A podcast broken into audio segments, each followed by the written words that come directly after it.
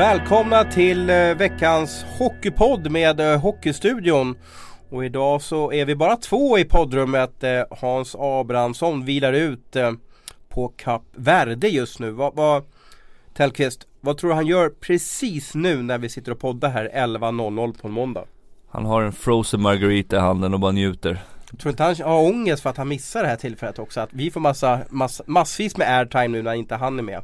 Jag tror att han eh, trivs som fisken i vattnet där borta och har det varmt och gott och får hänga lite med familjen eftersom han var borta hela jul och nyår här med, med junior-VM. Precis. Hur har din helg varit då? Ja men det har varit bra. Uh, vi har faktiskt varit hemma och fixat och donat lite i hemmet, uh, städat lite, uh, plockat bort alla julsaker som, som sig bör så här års och ja, lite hockey och innebandyträningar igår med, med grabben så att det, det är en vanlig helg hos uh, Tellqvist. Ja. Um, januari brukar alltid vara en helt galen hockeymånad. Uh, av alla de säsonger som jag bevakat med SHL Hockeyallsvenskan så brukar det alltid vara massvis med händelser. Och precis så var det i lördags också. Uh, jag tänker på det som skedde mellan Färjestad och Malmö då, när Sylvegård springer in i båset för att stå upp för sin kompis Händemark. Mm. Vad, när du såg det här, vad, vad kände du då? Först och främst så kände jag så här, wow, känslor i matchen. Uh, det var en bra match hela matchen och det börjar ju med när, när Händemark blir inputtad i en farlig situation, bara det. Han blir inputtad i, i öppningen där. Uh, det är Färjestads bås, hoppar in och sen märker då Sylvegård att Händemark är hyfsat, hyfsat i underläge där och hoppar in och, och försöker rädda situationen. Ja. Du skrev där på sociala medier att eh, vem, vem vill inte ha Sylvegård i sitt lag? Mm. Ja och det står jag för. Menar, det här är ju sådana här spelare som som jag tror att varje lag vill ha på ett eller annat sätt. Jag menar, du har ju flera andra spelare, du har ju Bibic-bröderna, Alsen i Brynäs, eh, vad har du mer? Per Ledin i Boden Ja, ja precis. per Ledin i Boden eh, som har kommit Men är de här Granström. spelarna på väg att försvinna för att man har inte råd att ha spelare som blir avstängda? Nej men så är det ju också, men samtidigt så är det ju så här spelare som drar publik. Säga vad man vill om, om när de skriker saker och, och ska mucka gräl och sådana grejer Men det drar ändå mycket publik till arenorna. Det, det blir ett samtalsämne Som gör att det blir en bass, Så nästa gång Malmö kommer på besök i Karlstad så kommer det bli liksom Det trissas upp på något sätt. Så att Det är inte bara negativt det som händer. Nej, det var till och med någon som skrev också att eh, Lägg ner Wahlgrens och lägg ner Parneviks gör Sylvegårds istället. Ja. Du har ju två bröder Sylvegård som är karaktärsspelare och så har man en pappa som är general manager för, för mm. hockeyklubb. Så att jag kan gissa så att det pratas en del hockey vid deras eh, frukostbord. Absolut. Det är de nya The Handsome Brothers, är det nya, SHLs egna Handsome Brothers har, har kommit igång. Men det vart ju ingen avstängning, eller hur, för, för Marcus där? Var, Nej. Hur ser du på det? Han var ju ändå inne i, i båset där och, och vevade på ganska friskt där och hjälmen flög av och han, han, han såg ut som som, som eh,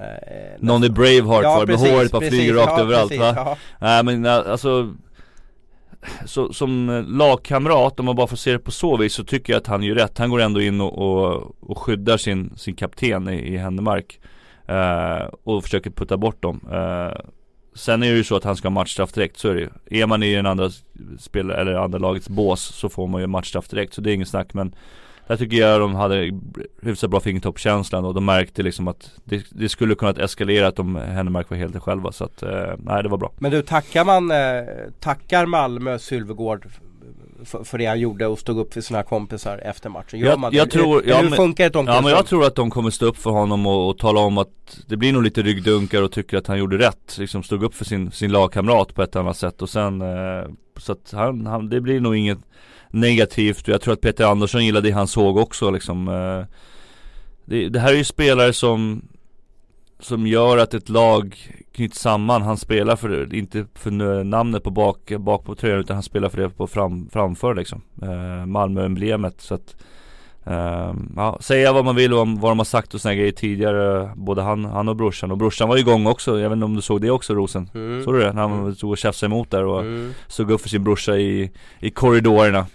Det var ju också, var det i våras? Nej jag tror det var eh, ja det var väl i våras det här tjafset mellan Linköping och HV. Kommer du om, kommer om när de slogs på uppvärmningen? Ja, precis. Och då var ju Sylvegård en av de här som liksom var agitatorerna som mm. var, var, med där och, och startade hela liksom mm. då.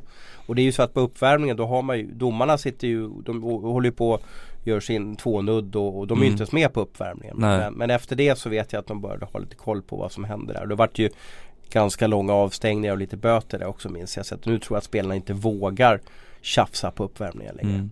Nej men de här spelarna, de är ju jobbiga att möta, det kommer jag ihåg. Man, man hade Emil när han spelade i Linköping, kommer jag ihåg. Han var alltid framme och skulle säga saker att fan är det dags att lägga av nu Tellan, du börjar bli för gammal eller någon sån här grej. Och ja. Hela tiden. Och ja, men det har ju Men de som babblar tidigare... sådär då, är inte det töntigt bara? Är det inte bättre att han lead by example som han gör här. Alltså han går in i båset och, och hjälper en kompis. Alltså inte de här som babblar eh, Ger de någon verkan längre?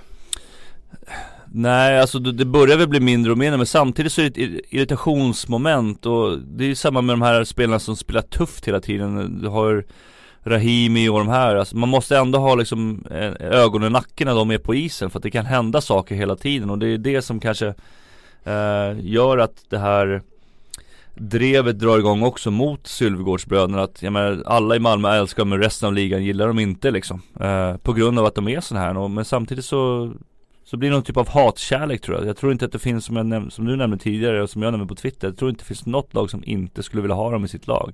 Mm. På grund av att de spelar med hjärta på utsidan av tröjan också. Mm.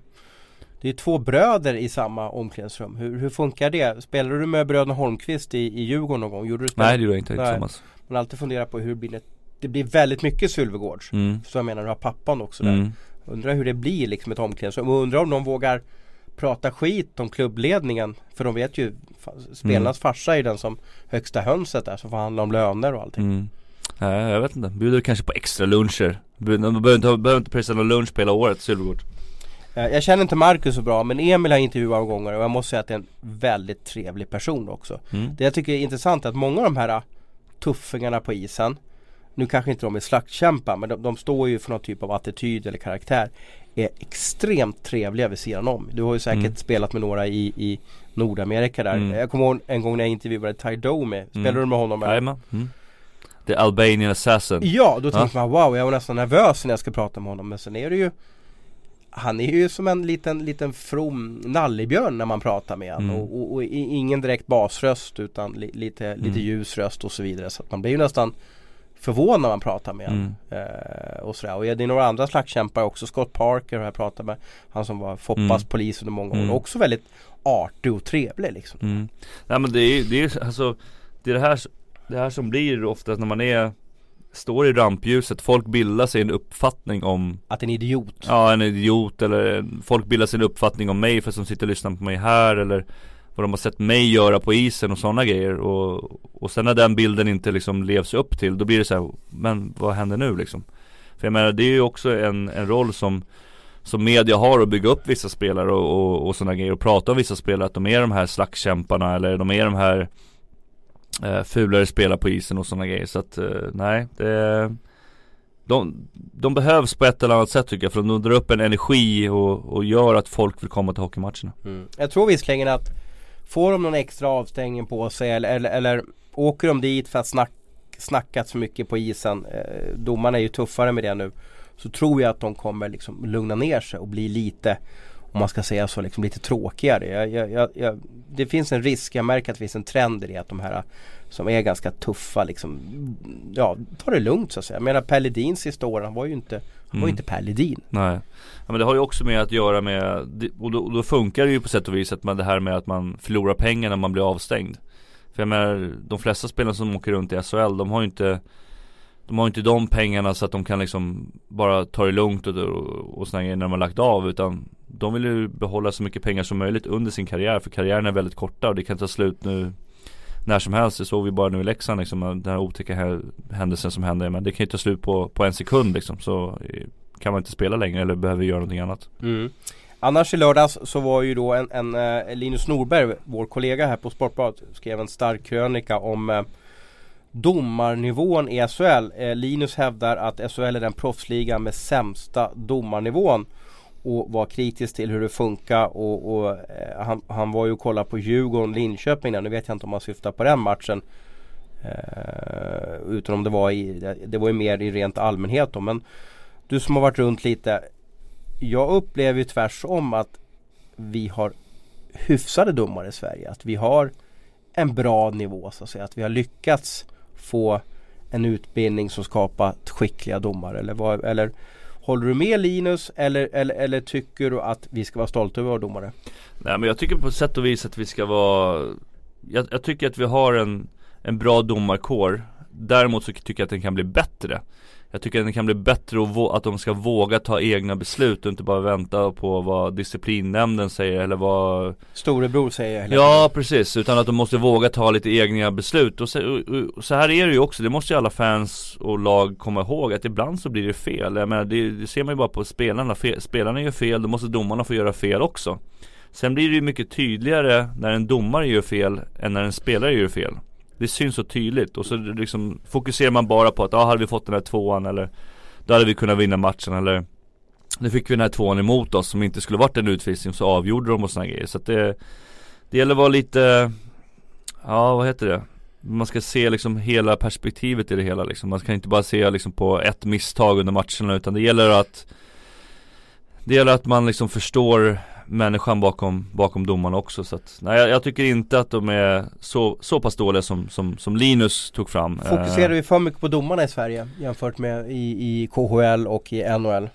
Ja, alltså KL så, så vart det ju bättre och bättre. De har faktiskt gjort jättebra jobb med sina domare. Jag kommer ihåg första året man kom in så var det lite så här, man spelade borta mot Magnitogorsk. Då visste man att då hade man en 5 och 3 mot sig första fem minuterna. Varenda okay. match liksom. För att?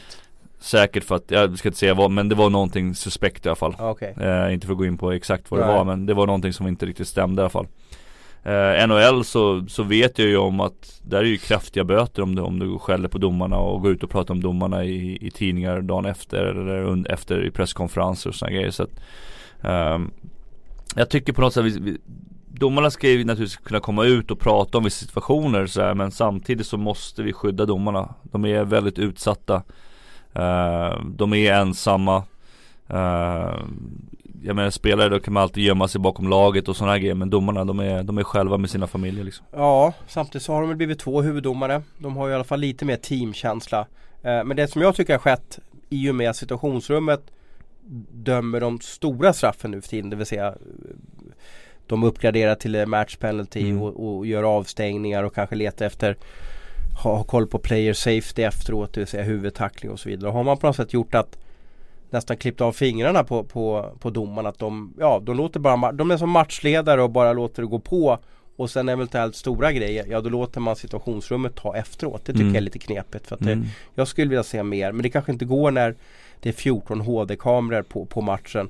Eh, för att jag menar, de missar ju grejer, så enkelt är det ju. Va? Men jag skulle vilja mer att man accepterade att det missas grejer för att man kan inte se allting och sen bara för att ja det jämnar ut sig. Men är, är det, här, det här kan ju inte vara ett nytt fenomen att domare missar, missar utvisningar. Det måste ju Nej, ha hänt men nu, men nu, är det mer ju domarna avslöjade i och med att det finns reprisbilder, folk kan göra giffar på sociala medier och så vidare. Mm. Då blir ju det blir ju så starkt det här liksom misstaget om det är en slashing eller en hög klubba och så vidare. Va? Liksom mm. Det är det jag tror Det har skapat en väldigt stor osäkerhet hos domarna att de egentligen bara, ja de är matchledare, de kanske inte är domare riktigt mm. längre då. Det tycker mm. jag är lite Lite tråkigt. Alltså domarna gör ju inte, de gör ju jättemycket på matchen på ett sätt.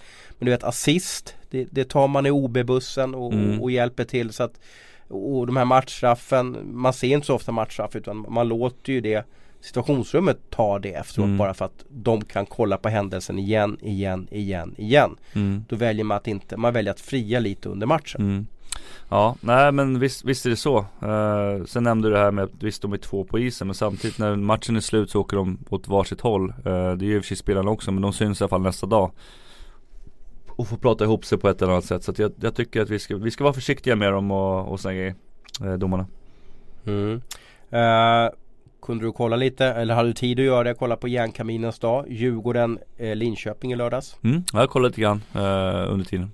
Du har ju sagt att du tyckte att det var När du slutade spela hockey att du tyckte att det var skönt och så vidare. Men en sån där match när det är 8000 När det är ett galet tryck på Hovet. Kanske det största trycket som kan bli på en hockeymatch när, när en, en stor klack mobiliseras som du gör. Saknar du inte att vara med då eller? Jag saknar eh, vissa stunder i matcherna, gör jag. Eh, jag saknar det här pirret när man går ut eh, genom den här eh, järnkaminsgrejen när det kommer upp lite eld, eh, när man möts av jublet. Adrenalinkicken Adrenalinkicken, eh, när Djurgårdsklacken drar igång, eh, Sjung för gamla Djurgården nu och såna grejer och när det blir mål och, och såna grejer. Eh, efter, efter matcherna när man har vunnit, det här si sista jag brukar, jag, man ska förklara lite grann hur jag tittar på hockey nu så är det lite mer så att jag tittar början för att få en känsla av matchen. Kollar målvakterna lite grann, ser hur liksom de är på. Sen kan det gå kanske en period utan att jag tittar någonting och sen vill jag titta sista tio minuterna för att se liksom uh, den här, få den här spänningen. Och det är lite den kanske jag saknar också. Sista fem minuter, man leder med 3-2 uh, Pirret i kroppen, oroligheten uh, Vi kanske har förlorat två matcher innan liksom. Det blir allting det här liksom som byggs upp, det här viktiga liksom som finns under matcherna men du, vad kollar du på hos målvakten då? Vad, vad, kan du förklara för oss utan att vara jättesupernördig? Alltså finns det någonting som du liksom Det är omöjligt att vara inte nördig okay. när man pratar målvakter va? Men det som man tittar efter är blicken Tittar okay. jag efter Om de är lite oroliga eller? Ja men hur, hur följer de pucken med blicken? Hur, okay. är de fladdriga i målet? Hur ser det ut på med returtagningen? Men hur kan eh. man kolla på olika sätt? Är det inte bara att titta på den här svarta trissan eller hur? Nej men mycket, man kan se om, om till exempel om pucken är, är bakom mål så kan du se om målvakten bara står och tittar på pucken Eller om man slänger fram en blick framför målet också för att se om det rör sig någon spelare i motståndarlaget framför Att man har lite koll på de andra spelarna också är man nervös och stressad lite grann som vi pratade om i förra avsnittet här så blir det lätt att man bara fokuserar bara på pucken. Ja. Och då, då hamnar du ju ofta ett, ett läge där du är, blir väldigt svårt att vara målvakt liksom. Eh, då blir det ofta att du chansar, att du bara slänger över med kroppen bara för att liksom att tro att du kan ta den liksom. Och mm. då är det lätt att det går åt, det går åt helvete. Du var ju målvakt i väldigt många år och, och framgångsrik sådan. Eh, är, är, du snällare när du bedömer målvakter att när jag kanske slänger ut mig lite snabbt så ah målvaktstavla. Ja. Eh, det. Är, ser du målvaktstavla någon gång liksom eller? Jag tycker målvaktstavla är väl om man, man ska vara hemsk nog så är väl typ en målvaktstavla är väl typ eh, det som tyvärr hände Tommy. Eh, när han skulle nicka ja, pucken där. det är väl en målvaktstavla. Eh, ja. Jag tycker att målvaktstavlor och, och sådana grejer slängs ut lite för mycket. Det är, för mig är det ett misstag liksom. Uh, målvakter har rätt att göra misstag ibland också men ordet tavla och sådana grejer det, det används kanske lite för ofta. Mm. Tycker jag personligen. Samtidigt den Salt Lakes-matchen, vi ska ju göra din livsresa lite senare. Det är ju så att hela den matchen så var ju Vitryssland och pressade er. Du var ju med där ja, så att säga. Liksom att det, det var ju inte bara för att Tommy gjorde dålig ingripande. Det var ju, laget var ju inte påslaget. Nej, det var ju, det är en situation som händer. Eh, en hundradels sekund av, av, hans karriär. Eh, vi skulle ju ha, alltså vi skulle ha vunnit den matchen. Matchen skulle varit avgjord tidigare. Eh, nu stod ju Vitrysslands målvakt på huvudet också liksom. Eh, Metsin hette han va? Mm. Eh, och gjorde sin livsmatch lite grann som Om du kommer ihåg eh, vad hette han? I Italien? Delfino hette Dolfino, ja, Delfino ja, ja det blev 0-0 mot Italien Han flyttade ju målburna hela tiden också så vart ju avblåst. Ja du ser, ja du fan du kommer ihåg också. Målvakts, målvaktsgrejerna men eh, den matchen skulle varit avgjord tidigare men jag Jag kan se Tendenser varför vissa mål händer och kanske mer tydligt då eftersom man spelar själv. Uh, Innan vi går in på The Tellan story eller Tellans livsresa här så, så måste vi ju faktiskt stanna till kolla lite HV71. Um, ehm, vi vet ju, de blev svenska mästare för två år sedan. Hade en eh, okej okay säsong i fjol. Uh, och, och värvade hyfsat meriterat den här säsongen med, med, med Ljung och, och Andersson och, och Turesson och så vidare. Men, men säsongstarten de var inget jumbolag men de, de, de, de, lyfte aldrig och sen så valde de att byta ut Johan Lindbom mot assisterande tränaren Stefan Lund. Och nu på de senaste 13 matcherna har de bara en nollpoängare. De har alltså tagit 30 poäng på de senaste 13 matcherna och är det formstarkaste laget mm. i SHL. Hur är det här möjligt? Det är ju samma spelare, samma klubbor, samma knäskydd på isen. Ja men det har ju också att göra med att de har fått in en del nya spelare som Som det tar tid att spela ihop vissa spelare också. Så ja. är det ju. Det, jag menar innan, innan man hittar kemin med vissa spelare så så kan det ta flera månader, det, det är så det är. Och sen, sen uppenbarligen så behövde de en, en ny röst i HV. Eller en ny, ny gammal röst eh, med, med Lilleslund då, så att Det här är ju nog den, den, största förändringen jag har sett i samband med ett eh, tränarbyte. Nu har de inte vunnit någonting. Det är ju mitt i säsongen. Det är ju liksom januari. Ja, det, det, är någon här inne som ty tyckte någonting var innan säsongen va? Att det kanske Ja kanske vad, vad sa du om HV71 då? För ja, jag trodde ju att de skulle vinna SM-guld. Ja. På grund av eh, massa olika saker. Men just det här med hur de hade värvat och Jag vet ju en del av de här spelarna som de värvar, vilken typ av karaktärer de är också så att, men eh, det, det är långt ifrån avgjort, det är det ju definitivt men eh, ja. Jag menar du har ju Simon Önerud igen går in, han har 11 mål och Ljung har 9 så att eh, Och 23 poäng totalt så att eh, ja. Tedenby ser ju het ut med skridskoåkningen nära landslaget tycker jag. Eh, Så att nej det, det, det ser bra ut och sen fick de ju tillbaka sin, sin krigare där Martin Törnberg. Nu spelar han väl bara 11 minuter per match. Mm. Och inte gjort några poäng hittills också. Men det ska ju vara Det ska ju vara han som är pådrivare i det här laget. Han, han är ju på något sätt eh, vad, vad Davidsson var på kanske för 10 år sedan eller 15 år sedan är ju, är ju vad, vad Törnberg ska göra nu för laget. Och så vi får se om han kommer tillbaka i gammal god mm. god, god form. Mm. Eh, tror du HV kan utmana med SM-guldet? Ja, det tror jag. Uh, de är ju så lite så sleeper-lag kan man väl säga. De har ju börjat säsongen väldigt, men de har liksom De har haft sin negativa trend i början och jobbat sig ur den liksom. De har jobbat sig ur källaren. De har varit nere och nästan var längst ner nästan. Var väl inte riktigt längst ner men de var ju på en elfte plats i alla fall tror jag ett tag där. Uh, elfte, tolfte plats. Jag gjorde också en sammanställning här för något år sedan och då visade det sig att de lagen som lyfter i januari mm. blir superfarliga i slutspelet. För då mm. har man liksom på något sätt Jag menar Linköping toppade ju i höstas. Mm. Färjestad hade en grym, grym höst för ett mm. år sedan. Mm. Men de här lagen som kommer efter årsskiftet mm. blir oftast jättefarliga framåt slutspelet. Jag minns när eh, Djurgården, eh, ja de gick till final mot HV här för några år sedan. 2011 mm. pratar vi om nu, eller 2010. Då var det också efter jul som Djurgården lyfte då så att säga. Så att de här lagen som nu börjar få igång allting, allting sitter. De, de blir alltid farliga. Mm. Ser något mer lag förutom HV som du känner är på väg Oj, det här, de håller på att toppa det här. Här, här, här finns det mer att, att plocka ut så att säga. Nej men ett lag som vi har varit ganska negativa om tidigare är väl Brynäs som har verkligen lyft också uh, och fått igång Fått igång efter, efter sitt tränarbyte där också. Mm. Uh, Hemskt för tränarskrået det här måste jag säga alltså. Ja, nej men det är ju också ett tecken på, man, som jag nämnt, vi måste, man måste vara noga när man gör uh, rekryteringen. Men Brynäs har ju också spelat riktigt bra på slutet och uh, Ja det är imponerande, det trodde jag faktiskt inte riktigt att de skulle kunna ta sig ur på det sättet de har gjort men eh, hatten av för, hatten av för Brynäs. Sen, menar, sen har du ju Växjö ju heta också. Ja de, de, de, ja. de liksom ligger lite bakom där i mm. vassen känner ja. jag liksom. Och så de har börjat också tungt. De gjorde lite mål i början av säsongen och sen men nu har de liksom bara ticka på, ticka på. Uh, matchen senast mot Brynäs. Brynäs gör en jättebra andra period.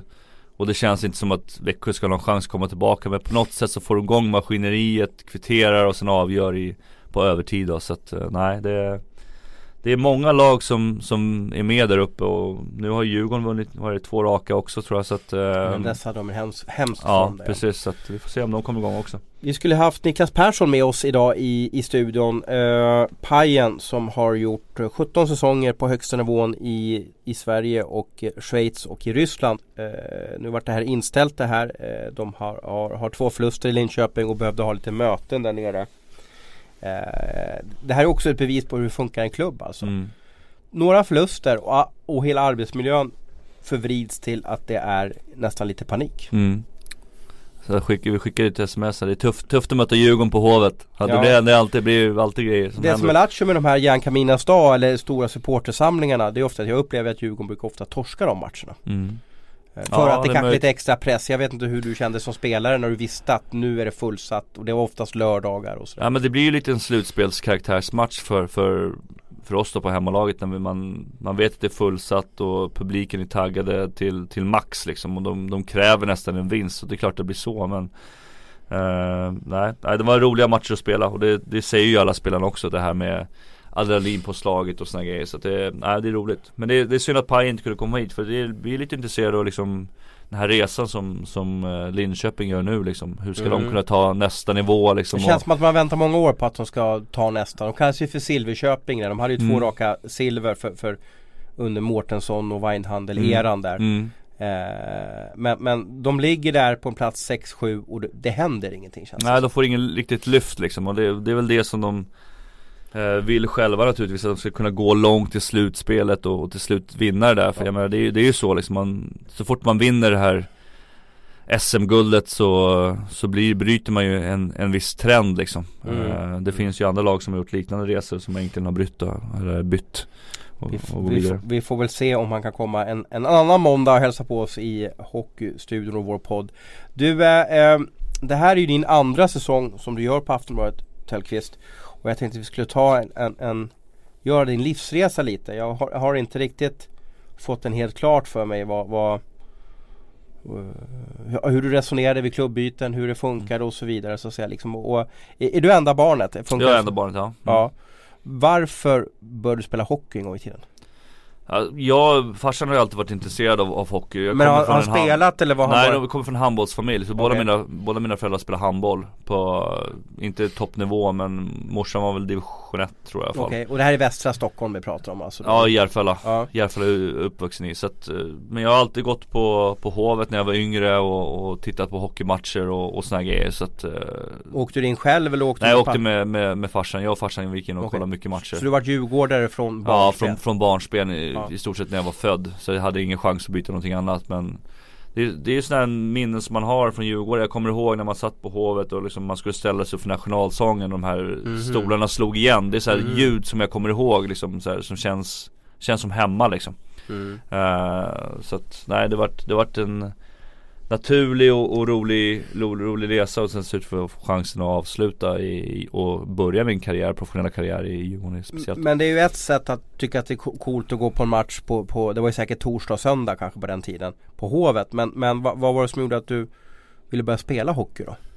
Ja men jag gillade farten, jag gillade tacklingarna, jag gillade stämningen runt omkring, jag gillade liksom målvaktsskydd. Det var, det var mycket grejer som gjorde liksom att eh, Som jag gick, gick igång på om man säger så på när det, gäll- när det kom till hockey liksom. Det var helheten liksom. Det här att man kände sig lite grann som eh, gladiatorer, att liksom att folk sitter uppe ovanför en och sitter och tittar ner på en liksom. Mm. Eh, och såna här grejer. Så att, eh, sen har det kommit fram massa andra grejer som, som kanske inte alltid var positiva men eh, det var väl det då när man var ung kille som man tyckte var häftigt. Och det här eh, Det kanske blir en ledande fråga eller att jag gör en utläggning här som, som, som du bara kan hålla, med om. Men, men valde att bli målvakt? Jag tycker det är så många målvakter man har pratat med, med om det här att Du valde att bli målvakt bara för att du fick ha så tuffa skydd.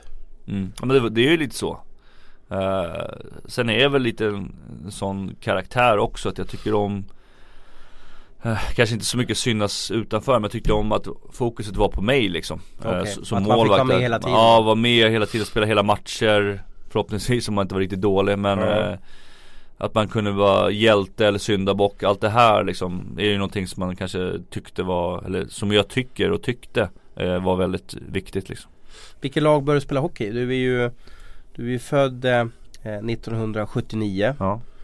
Kommer du ihåg liksom första träningen eller var det så här typ Björnligan att det var 100 pers på isen? Ja men det var ju hockeyskola som man började med. Jag började I Järfälla Ja i? Järfälla så Mm. det var väl alla åkte runt och ramlade och slog sig och såna grejer lite grann som, Pappa och mamma fick knyta skridskorna. Precis, Mm. ut med en kon liksom och sen Ja. åka runt liksom. Så att, eh, ja det var så det började och sen var det väl något år där som, som alla, du vet man får prova på om man vill ha målvakt och såna grejer. Och sen var det väl så att vår målvakt som ville stå, hon, eh, det var en tjej som gjorde illa sig. Och sen Mhm. frågade om någon annan ville stå och då räckte jag upp handen direkt liksom. Och sen, vill Tänk jag- om du inte hade räckt upp handen där. Ja. ja men det är ju här grejer som är Man tänker på efterhand så här, liksom. Det kunde ju varit Om jag inte var tillräckligt modig, om jag varit blygare än vad jag var liksom, Så kanske jag inte kunde tagit den platsen Vad, vad, hur, hur gick pojkåren då? N- när, när började du känna att liksom att det här är kul och det här är någonting för mig? Jag har alltid älskat hockey Fram till de sista två månaderna av min karriär Har jag tyckt Okej. det var det roligaste som fanns Eh, Sen var det jobbigt eh, Det var bara jobb Eh, Och det, då, var, då var det svårt att kunna prestera på isen och, och göra det här jobbet utanför också som krävs för att spela på en professionell nivå men Jag har alltid gillat, alltid gillat att spela hockey liksom och Bytte aldrig lag utan jag spelade i Järfälla fram tills eh, TV-pucksuttagningarna Eh, Förstod väl då att jag hade väl någonting som Att jag var, att, att jag var kanske lite bättre än andra spelare men vi, vi spelade i ett ganska dåligt lag där jag fick väldigt mycket skott vilket har varit en fördel. Mm. Och så spelade du TV-puck. Var TV-pucken på något sätt det första erkännandet för dig att oj då, de har koll på mig och, och jag kan ju faktiskt stoppa puckar. Ja det, det var det väl. Eh, sen, sen spelade ju jag inte så jättemycket TV-pucken utan jag nötte bänk. Jag så, var det Björn Bjuling som var etta där? Björn eller? Bjuling som var etta framför mig. Eh, Ja. Som spelade. Han var ju den stora talangen liksom. Ja. Eh, Men, men du tyckte väl bara var okej eftersom du kom från Järfälla Bara få vara med eller, eller, eller Alltså var... komma från en liten klubb ens och vara med i TV-pucken är ju en stor grej. Ofta så är det ju de storklubbarna som har Som har platserna liksom i, i TV-pucken. Så, så är det väl oftast så att det är klart att mm, var Vem var speciellt. största stjärnan då? Det var Bjuling i mål Och så var det Sen hade vi Henrik Talinder såg jag Micke Holmqvist. Micke Holmqvist. eh, Vem var kungen då liksom Ja, ibland? men Micke var väl den största talangen var det väl eh, på den tiden. Han jämfördes ju med med Mats Sundin kommer jag ihåg med, med hans skridskoåkning och, och sådana grejer. Så att eh, Micke var nog den, var den stora Stora stjärnan. Eh, men vi hade ändå några spelare som, som spelade på, på högsta nivån. Så det är jag, Talinder och Henrik eh, Petré var ju med Henrik också Petré precis som spelade i Brynäs ett tag Mm. innan han gick, gick, blev skadad ganska mycket. Så att, Bjuling hade ju fantastisk statistik i Södertälje några år där också Mm. Ja men Bjuling har ju haft en bra karriär också som, som Ja. målvakt också som, Det som, var ju andra tider här, nu pratar vi alltså i början av mitten av 1900-talet Eller 90- eh, 90-talet 90-talet Ja, precis va? 90-talet där, det har ju ändrats väldigt mycket med hockeygymnasium och så vidare För du gick aldrig hockeygymnasium eller? Nej, alltså vi hade hockeylinje hade vi i Okej. Åkersberga. Så alltså man hade, okej. var det två gånger i veckan så hade man så här 06.45 ungefär i Järfälla ishall hade man en träning en timme liksom Ja just det, och sen när det Eh. kom till lektionen sen då var ni helt påslagna för ni Ja, hade precis, Precis, ja. ungefär Jag har hört att, jag har hört att många, det här är ett sidoämne, men många lärare älskar när eleverna har gymmat eller, eller alltså de har alltid hyllat hockeyspelare för då har de haft, i alla fall förr var det så att de hade träning innan skolan började. Och då berättade de att när hockeykillarna kom in så var de helt påslagna och bara liksom fattade allting, orkade Ja du vet liksom, Mm. bara, bara körde liksom på lektionerna. Första gången man har hört en hockeyspelare få Ja. cred för att vara i skolan Jo men liksom. då har ju de, du vet ju själv när du har, när du Ja. har gymmat och, och, Nej, men det och, blir och ju- tömt kroppen ja. liksom. Du, du är påslagen då. mm. Quality sleep is essential for boosting energy, recovery, and well being. So, take your sleep to the next level with Sleep Number. With a Sleep Number smart bed, you can individualize your comfort level and enjoy a better sleep night after night. JD Power ranks Sleep Number number one in customer satisfaction with mattresses purchased in store. And now, the Queen Sleep Number C4 smart bed is only $1,599, a saving of $300, only for a limited time. For JD Power 2023 award information, visit jdpower.com/awards. Only at Sleep Number stores or sleepnumber.com. Så är det Men du, varför vart det Djurgården sen då? Du, du, du eh, gjorde ditt J20-år i, i Djurgården i alla fall. Ja, B- B-junior hette det också innan så T var det J, J18 också faktiskt Ja. Eh, Varför blev det Djurgården då? Nej, vi hade, efter TV-pucken så, vi hade Stefan Lade som, som målvaktstränare Okej, i det, TV-pucken han var med redan på den tiden Ja. alltså. Mm. Så att, eh, och han hade ju koll och var med i Djurgården på den sättet också på den Ja. tiden och sen var det så att han och Thomas Magnusson är fortfarande bra kompisar och kompisar då så då fick jag gå på en tryout i slutet av året och, och komma och, och spela liksom så att, eh, och det gick bra Och här går det ju sjukt snabbt för dig, gör det inte det va? Det ser ju Mm. bara pang alltså på. Du spelade sex SHL-matcher första, första säsongen. mm. Eh, kommer du ihåg vad din första elitseriematch var? Ja, Leksand hemma Okej. det. Hur gick det? Vi vann 6-4 tror jag och Putte Eriksson kom upp och sa idag, idag föddes en stjärna sa han Sa han det? Alltså, ja, I duschen efteråt, kommer jag ihåg Jaha. Ja. Var det så alltså? Eller har du liksom sett matchen igen? Eller har du kvar något klipp? Eller? Nej jag tänker ju såhär, nej jag kommer inte ihåg matchen för jag var säkert jävla nervös Jag kommer inte ihåg så mycket men det man kommer, jag kan tänka mig såhär, fyra mål första debuten Det är inget såhär, man går in och spikar igen 45 räddningar liksom nollan men Tydligen så såg de någonting som, eh, som ingen annan såg då men eh, Det var ju speciellt också, nu går jag tillbaka, nu låter som dinosaurier igen men Det var ju så att andremålvakten spelade ju knappt förr liksom. Nej, det var ju Tommy Söderström som du stod bakom där. Och han Precis. stod alltså, det året stod han häftiga 48 matcher stod han. Mm. Och sen var det du och Rolf Vanhainen då som fick Ja, hoppa, in, hoppa in bakom honom då. Ja, Vet du varför du fick stå den här matchen? Var för att Tommy var sliten eller? eller? Nej men de ville väl ge mig en chans också eh, och, och spela lite grann och se om jag klarade av det här liksom. Eh, det, är väl, det är väl så man måste ju lyfta alla spelare liksom och då Det var väl där någonstans som började förstå att man som första målet så orkar man kanske inte spela varenda match hela tiden liksom. Utan man behöver vila, vila huvudet ibland liksom. Mm. Och ta det lite lugnt. Och igen som jag säger, här, här, här, det var ju raketfart här alltså. Mm. Din andra SHL-säsong Mm. så vann du SM-guld. Ja, Men under din andra SHL-säsong så var du utlånad till Huddinge. i Varför början av säsongen. Ja. Ja. ja, du startade säsongen i Huddinge Ja. alltså. Nej, hur hur var ju- kände du då då? För då, då hade ju du, ja, ville du det eller? Nej vi hade, vi hade diskuterat det och liksom eh, För att du skulle stå, För att eller? jag måste få spela matcher Ja. liksom Så att då hamnade jag med Lasse Falk var ju ute i Huddinge då Okej, så du lärde dig käka och sånt där? liksom? Ja, ja gud man käkar de här Big Pack förpackningarna Mm. som han delade ut alltså, det, De här glass, de här med tre färger som fanns Så fyllde de dem med ris och kyckling Jaha. och ingen sås Så skulle man ju käka, för han har ju mätt ut exakt hur mycket man skulle äta efter en träning Hur mycket energi man har gjort av med Fan jag vägde var 73 kilo på den tiden och det är ju tre liter liksom ris i en sån här rackare Ja, Det ja. tog ju evigheter liksom Och så gick han och kollade att alla skulle käka det upp liksom Ja just det. Så att nej, Lasse, det, det var Lasse nytt, var skön nytt, nyttig skola menar du?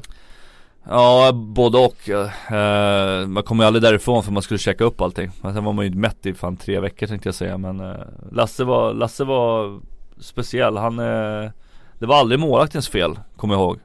Okej. När- när det blev måste du ha mål. gillat ja. Ja, det var kanon. Man kunde släppa in en puck från rörlinjen och då skyllde han på någon spelare som hade tappat pucken i hörnan eller någonting. ja. Så det var alltid någonting sånt.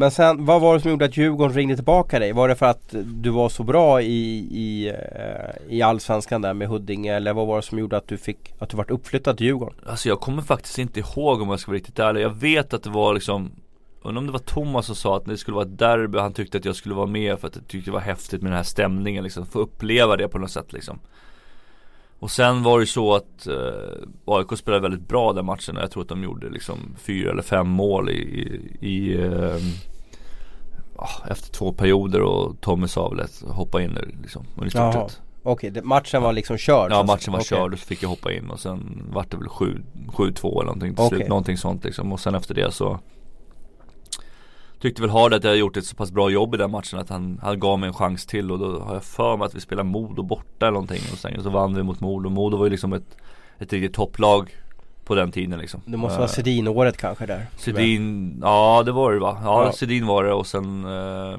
Weinhandel Ja, kanske? Weinhandelt, uh, Wernbloom var ju med. Mm. Eh, Tobias Lundström med mål.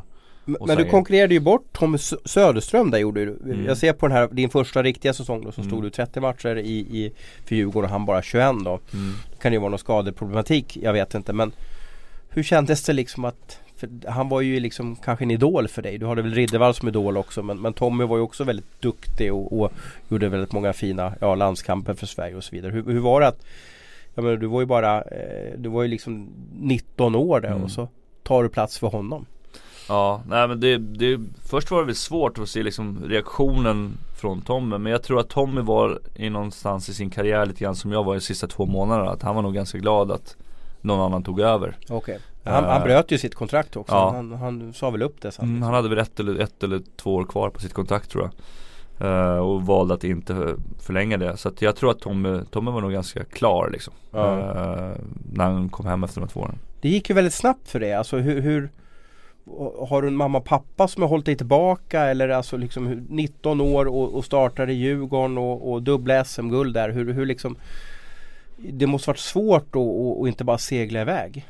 Nej men det var väl lite det som hände när jag kom bort till, till Nordamerika. För alla gick och ryggdunka och så här liksom eh, Det här kommer gå bra, det kommer bli en NHL-målvakt direkt liksom. Men eh, det vart en Det vart en riktig krock när jag kom bort. Men eh, Folk som känner mig personligen vet ju vilken typ av person jag är Alltså jag är, ganska ödmjuk av mig och liksom tar inte så här. Det har kanske varit en fördel nu efter karriären men under karriären så kanske det var en nackdel liksom att jag inte tog mer plats liksom att jag vågade sticka ut hakan mer än vad jag gjorde Mm. liksom Eh, Men eh, För som 19-åring vann du SM-guld och Mm. du fick vara med i VM också även samma ja, år där. årets rookie tror jag På vann också ett, på ett år så var det bara pang alltså. Ja, det gick fort Det gjorde det verkligen Det var därför också jag valde att stanna hemma ett år till också Eh, Och spela en, en hel säsong till när vi vann andra, Ja, andra men du, du åkte ju över ganska tidigt ändå måste jag säga. Ja, andra, efter andra säsongen åkte jag. Så jag spelade tre, eller spelade, men jag hade, har tre uh, SHL-säsonger Mm, den första Eh, var det bara sex matcher ja. då. Då var det buss, åkte jag buss runt hela Sverige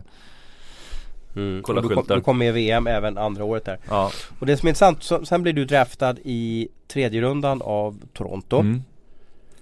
Um, Var det synd att du kom till Toronto? Var det, var det, var det ingen perfect fit eller? Nej det, det, det vart det ju inte. Uh, jag tror ju att man liksom Man hamnar lite grann där man förtjänar lite grann också men samtidigt så Toronto på den tiden var ett lag som kunde köpa alla de spel. Det här var ju innan capen också liksom. Att man hade, man kunde köpa de spelarna man ville ha och, och, och såna grejer. Så att uh, man draftade mer spelare mer för att kunna liksom, köpa, köpa, köpa mer spelare för liksom. Det var liksom, man draftade spelare lite mer bara för att man var tvungen att ha ett lag liksom.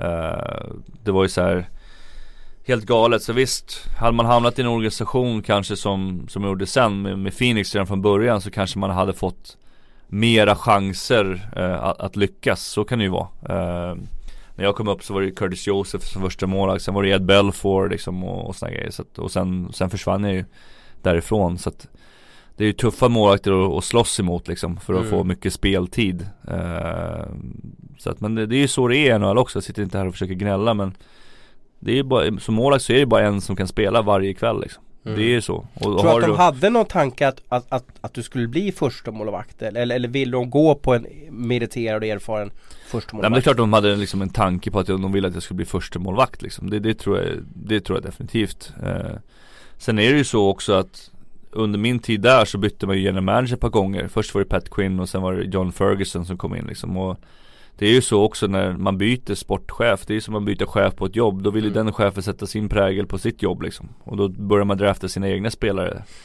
Uh, och en av dem var ju faktiskt Justin Pogge som, som spelar nu i, i Rögle var ju en första runda som Toronto draftade mm. uh, Som jag kommer ihåg liksom, när jag var fortfarande var kvar i Toronto liksom, som de trodde extremt mycket på liksom och, och, och då då glömdes jag bort lite grann också i den här, i den här processen och Sen jag kommer ihåg att de, han vann ju JVM-guld för, för Kanada och de tryckte upp han med en sån här jeansreklamer på Air Canada Center, på Pogi och sen Jaha, han var så stor det ett Ja, han var stor det ett tag Sen hamnade du alltså, eh, det, det vart ju bara några sporadiska matcher där i, i NHL utan mestadels så spelade du under de här säsongerna när du tillhörde Maple Leafs organisation i St. John's Maple Leafs. Mm. Förklara för våra lyssnare, vad är St. John's för stad och för, för klubb? Det är en, eh, en fiskeby som ligger egentligen stort sett mitt ute i Atlanten. Eh, det är en ö som heter Newfoundland som ligger upp mot Grönland. Så nu får alla kolla geografikartorna här hemma. Eh, så ligger det ungefär fyra timmar flyg till Toronto och fyra och en halv timme flyg till, till London. Så det är halvvägs, halvvägs till Europa liksom.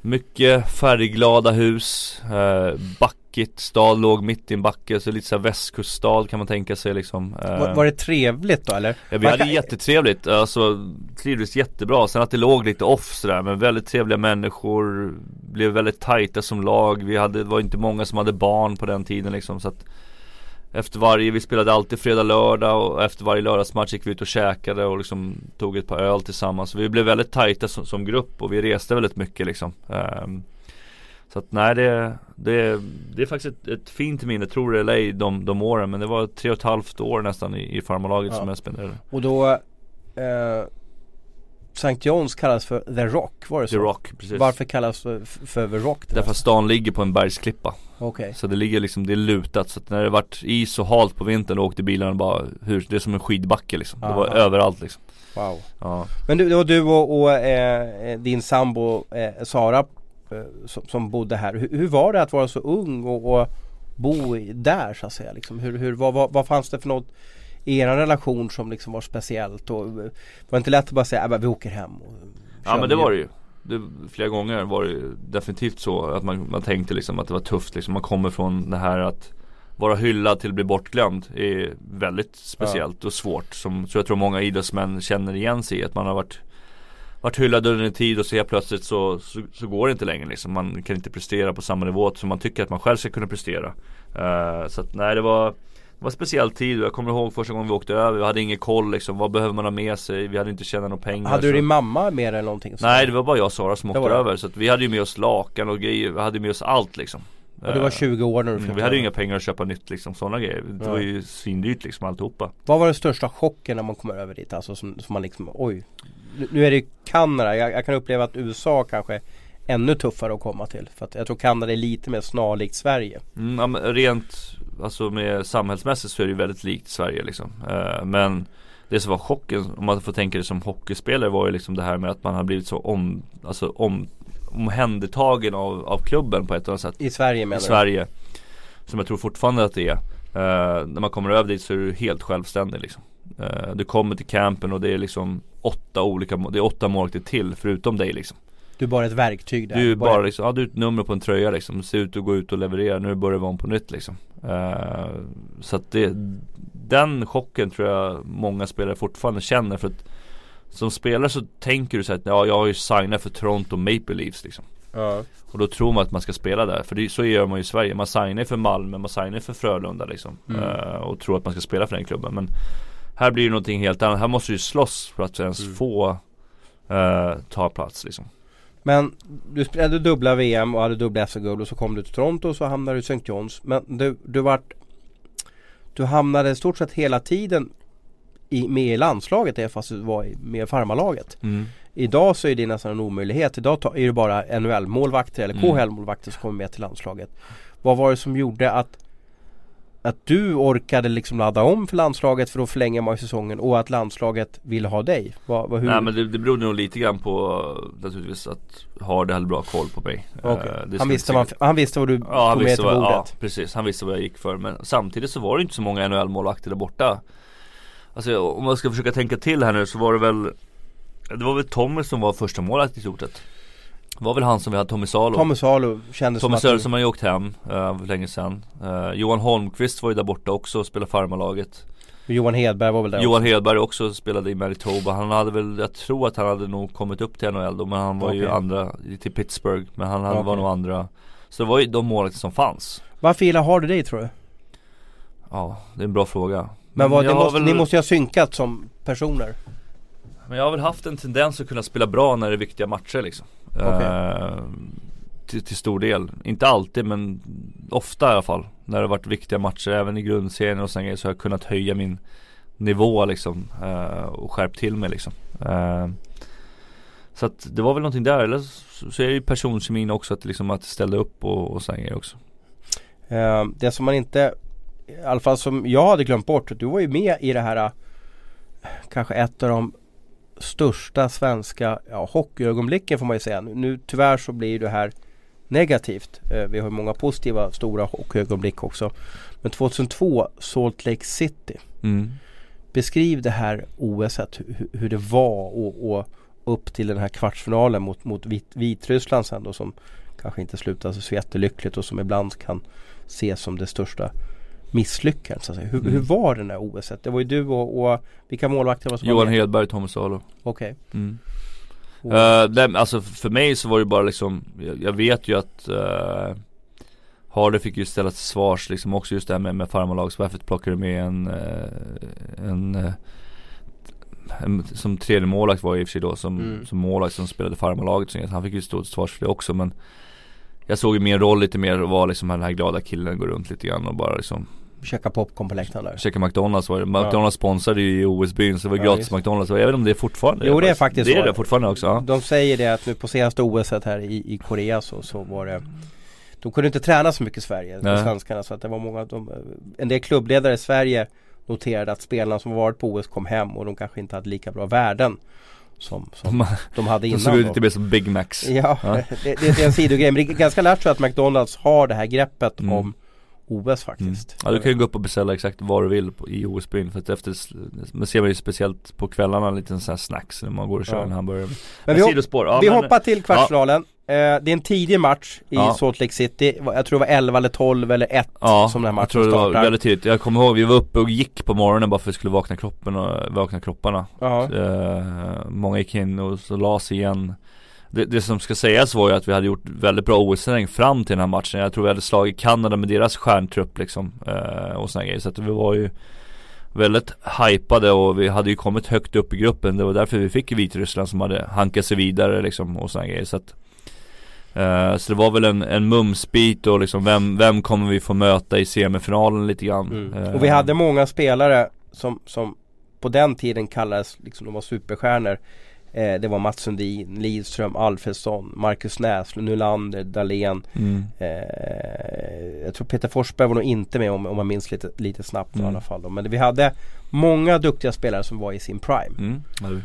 Eh, så Vad gick fel den här dagen då?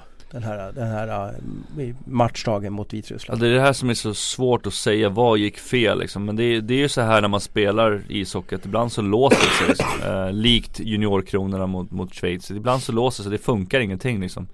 Eh, vi skapar ändå ganska mycket chanser men som vi sa här tidigare i, i podden så Vitrysslands målvakt, Metsin som, som eh, tog spikade liksom. Eh, var grym.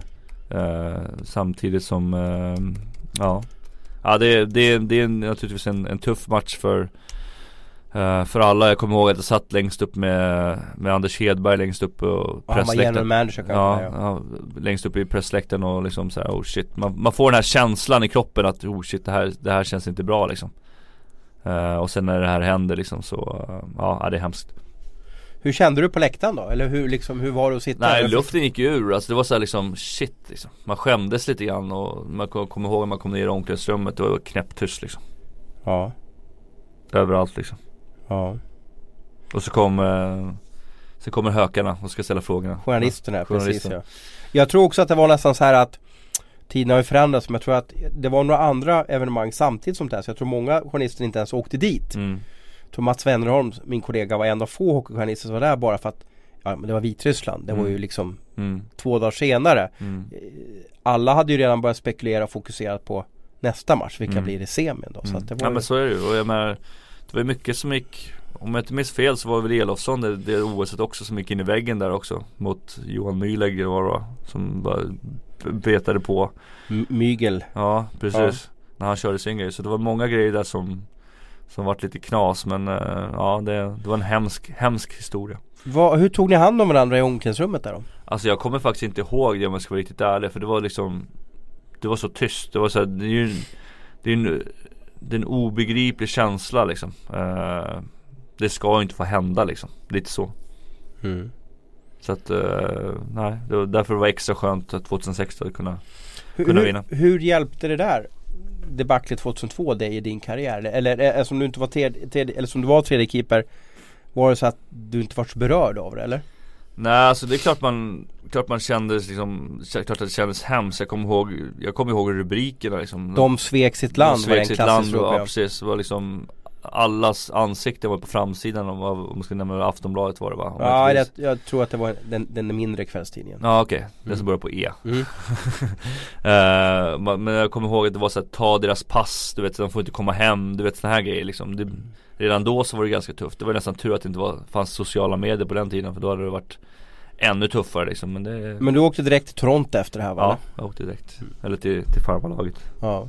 Så att, eh, ja det, det, det är ju lite svårt Eftersom jag aldrig, jag var inte ens med på bänken Jag kanske var med på bänken en match tror jag mot eh, När Johan spelade en match, jag tror det var Tyskland tror jag Men sen var ju inte jag delaktig i själva matchen eller någonting Jag Tränade knappt heller så att eh, Så att det är svårt att känna någon Riktig men eh, naturligtvis tar jag mitt ansvar ändå, jag var ändå med i truppen Mm. Du valde ju ändå att förlänga några gånger med, med Toronto här. mm.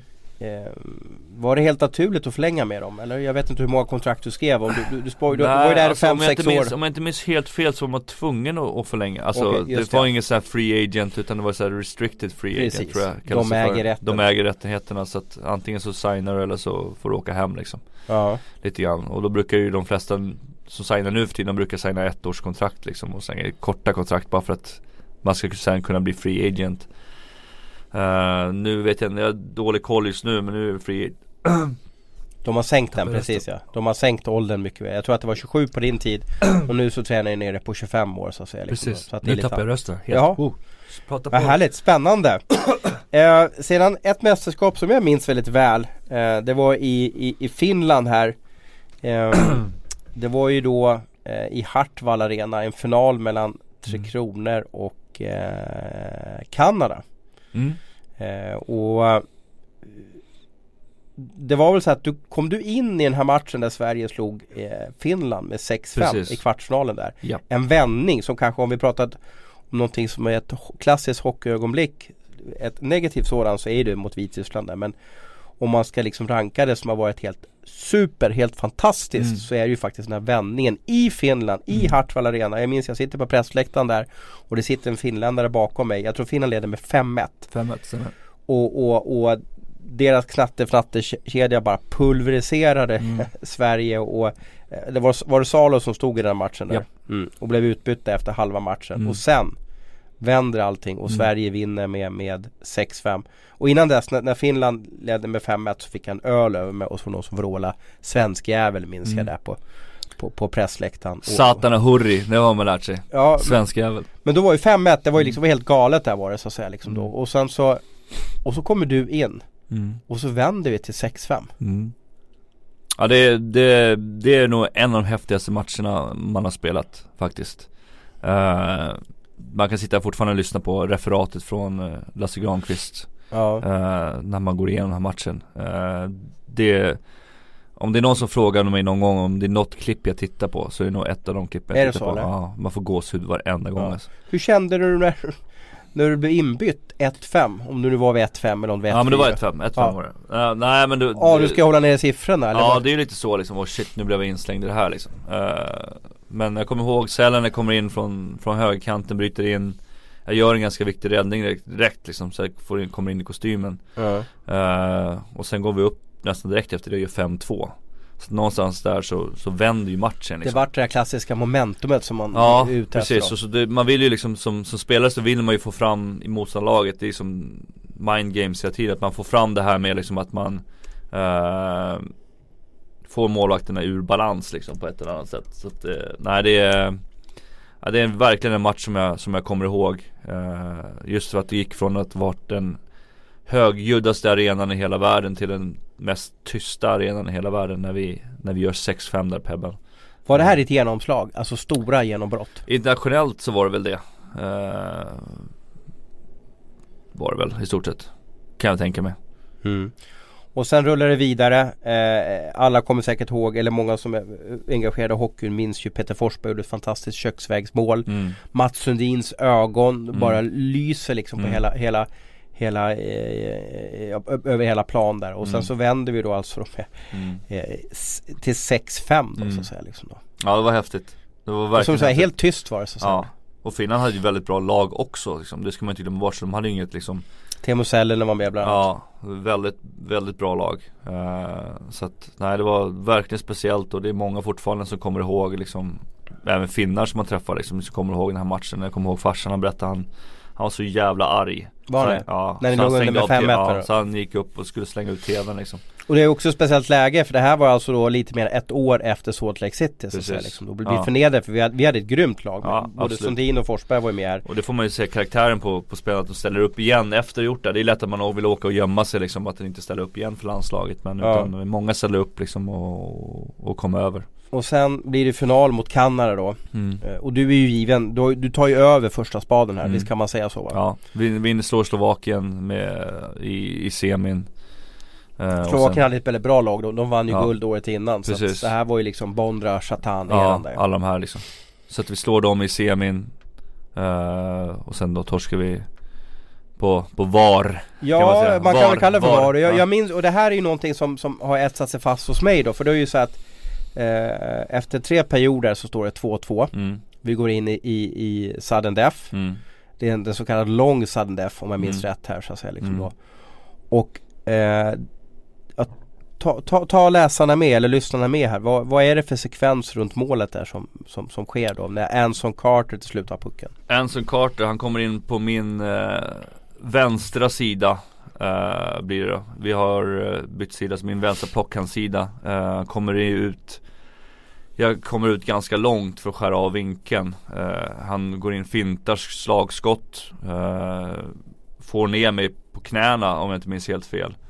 Du tappar rörelseförmågan lite där. Ja precis, uh, går runt mig och ska försöka lägga in en köksväng Jag försöker komma tillbaka så snabbt som möjligt, slänger tillbaka benskyddet mot stolpen uh, Han trycker runt stolpen och sen uh, blir, blir det mål då uh, Ja, Dömer de mål och, precis, och det, och det vet vi ju inte. Nej. Där då, för de, de, det blir ju en lång Ka- Kanadensarna jublar ju mm, och matchen blåses av. mm, Men man dömer inte riktigt mål, man är osäker på Mm. det här och nu ska vi ju, nu, nu är alltså det 15 år sedan som du Mm. säger, VAR fanns inte inom fotbollen och vi hade ingen situationsrum och vi hade ingen direkt video Det fanns knappt någon så här videogranskning på Mm. saker och ting utan, Mm. utan Jag vet inte hur många minuter det dröjer från att kanadickerna står och jublar där för det är ju också ett guldmål, förstår jag menar? Ja, det är inte så att någonting ska fortsätta utan det är ju Nej. verkligen liksom på något sätt det sista som ska ske då Mm. hur, hur kände du, fan det var nog mål?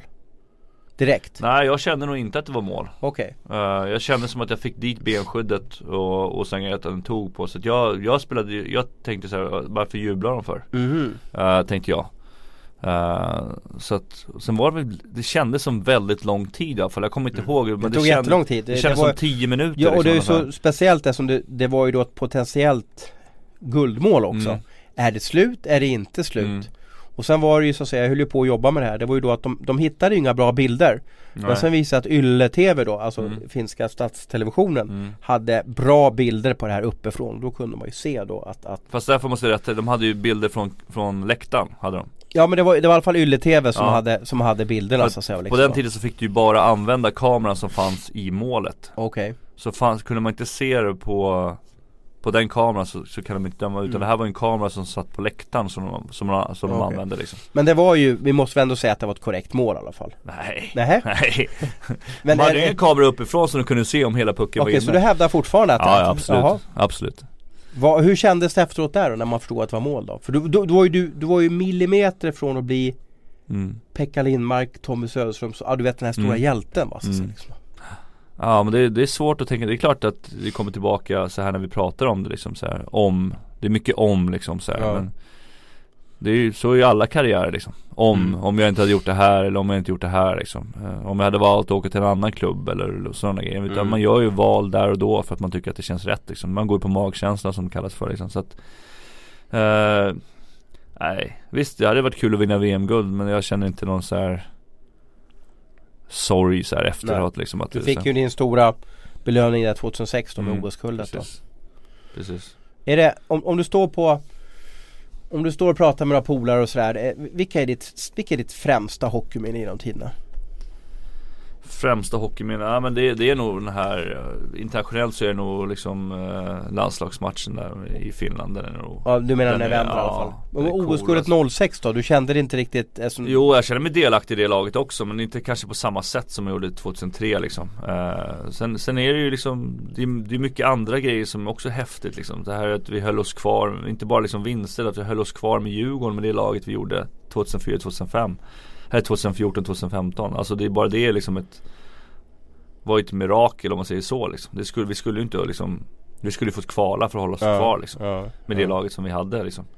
Uh, Sådana grejer är också speciellt. Sen är det ju Sen är det ju första NHL-matchen och vissa grejer som hände under, alltså att jag inte gav upp eh, I Nordamerika? i. Nordamerika och åkte hem. Sådana grejer som man är stolt över också liksom. Att man är Att jag fortfarande tycker att jag är den person jag är Egentligen Mm. från Järfälla trots allt det här som jag har gjort liksom. Det är också sådana grejer som jag är stolt över liksom. Eh, Så att det är inte, det är inte bara hockeymässigt. Du kom ju till Phoenix efter, efter Toronto där och, och fick ju stå avsevärt många fler matcher än, än Mm. du stod i Toronto i alla fall.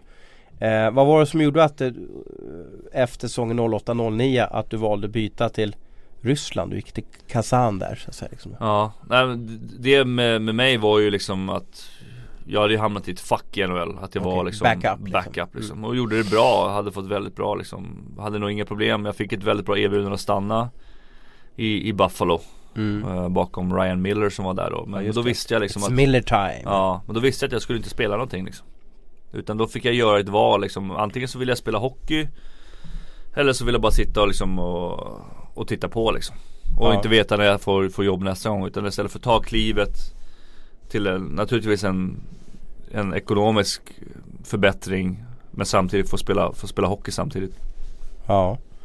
Du, eh, vi ska bara avrunda din resa här, kul att få med om den. Men eh, du, du valde ju att spela i Riga eh, efter Kazan där Mm. och du gick även till Finland en sväng. mm. Varför blev det Modo 2011-12? Du känns ju som en superdjurgårdare. Ja men jag ville ju komma hem till Djurgården Vi skulle få vårt första barn så vi ville komma hem till Du Sverige ville och liksom landa Ja. hemma liksom. Men då hade Djurgården eh, Gustav Wesslau och sen eh, kommer jag inte ihåg men, men då som var Uh, vad hette han? Han spelade i Örebro också. Uh, Anton, Fors, Anton Forsberg och Linus Ullmark hade de där. Ja i, i Modo ja. Men jag ja, tänkte precis. på Djurgården. Jag tänkte på Djurgården. Så de, de, Djurgården var ju liksom fullt liksom. Men då ringde Marcus Näslund och, och frågade liksom så här, om man kunde tänka mig liksom att komma upp till Modo för att de ville göra liksom, de behövde få in en, en stark första målvakt. De hade inte haft någon sen Karol Christian var där mm. då. Eh, guldåret. Sen ja. guldåret. Så att de ville liksom ta sitt lag till nästa nivå och, och frågade om jag var sugen på att komma upp och spela. Ja. Och, Hur svårt var det alltså att spela för Modo? Alltså, du... Ja det var jättetufft. Alltså jag hade en fantastisk tid i Modo och jag och sådär men som djurgårdare så var det tufft att möta Djurgården på Hovet. Det är inget som jag säger ja. någonting om men Det är ju så här, har man varit utomlands så blir man ju också professionell i det man liksom är utan man Man blir ju lite legoknäckt är väl fel ord att säga men du spelar ändå liksom Gör alltid ditt bästa för det lag du spelar. Och det var det jag kände att jag gjorde för, för Modo det året och sen eh, vart, det, vart iväg till Riga igen. Mm. men, Och sen fick du avrunda med tre år i, ja, i Djurgården ja, i alla fall där Men eh, jag otroligt tacksam för, för den chansen jag fick att liksom förnya min karriär. Jag hade stått och stampat lite grann och, och visa här på hemmaplan igen att jag kunde vara en första målvakt liksom. Det fanns många det året som Som jag har stor förtjänst av att kunna fortsätta spela 5-6 år till mm. efter, efter det. Så. Om det är någon position i ett lag som har förändrats väldigt mycket under de här 20 åren som du höll på med så, så är det ju mål, hur målvakterna jobbar. Mm. Hur, hur, hur, orkar man hela tiden ändras och förändra sig från att vara målvakt som åker omkring och slidar och sådär till liksom att vara, vara som liksom, nästan som en robot där och bara mm. täcker. Ja men du måste göra det. Jag tror att det är därför målvakterna kommer så mycket längre nu också för att många Många spelare alltså orkar inte göra förändringar i sitt spel utan som mål, jag tror att jag bytte spelstil tre gånger tror jag under min karriär. Tre eller fyra gånger fick jag byta. Uh, och det kommer även de målvakter som spelar idag få behöva göra. För att spelet utvecklas hela tiden och hänger du inte med i utvecklingen så, så kommer du inte kunna ha de här långa karriärerna som som jag och många andra målvakter med mig och utspelare har haft utan, utan du måste vara nyfiken på att hitta nya saker och förbättra dig, kolla på YouTube-klipp, eh, lär dig av andra målvakter som kommer upp, yngre ja. målvakter och liksom och, och såna grejer. Så att man, man lär, man är aldrig fullärd som målvakt utan det finns alltid mer saker att nörda in sig i liksom. Ja precis, precis. Ja intressant, ja, du har en fin karriär i alla fall. Um, vi ska väl avrunda för den här veckan och nästa måndag så är ju Hans Abrahamsson tillbaka här och då ska det bli quiz igen och han kanske kommer in solbränd och full av energi. Eh, tack för att ni är med oss och eh, vi hörs om en vecka igen. Hej då! Ha det bra!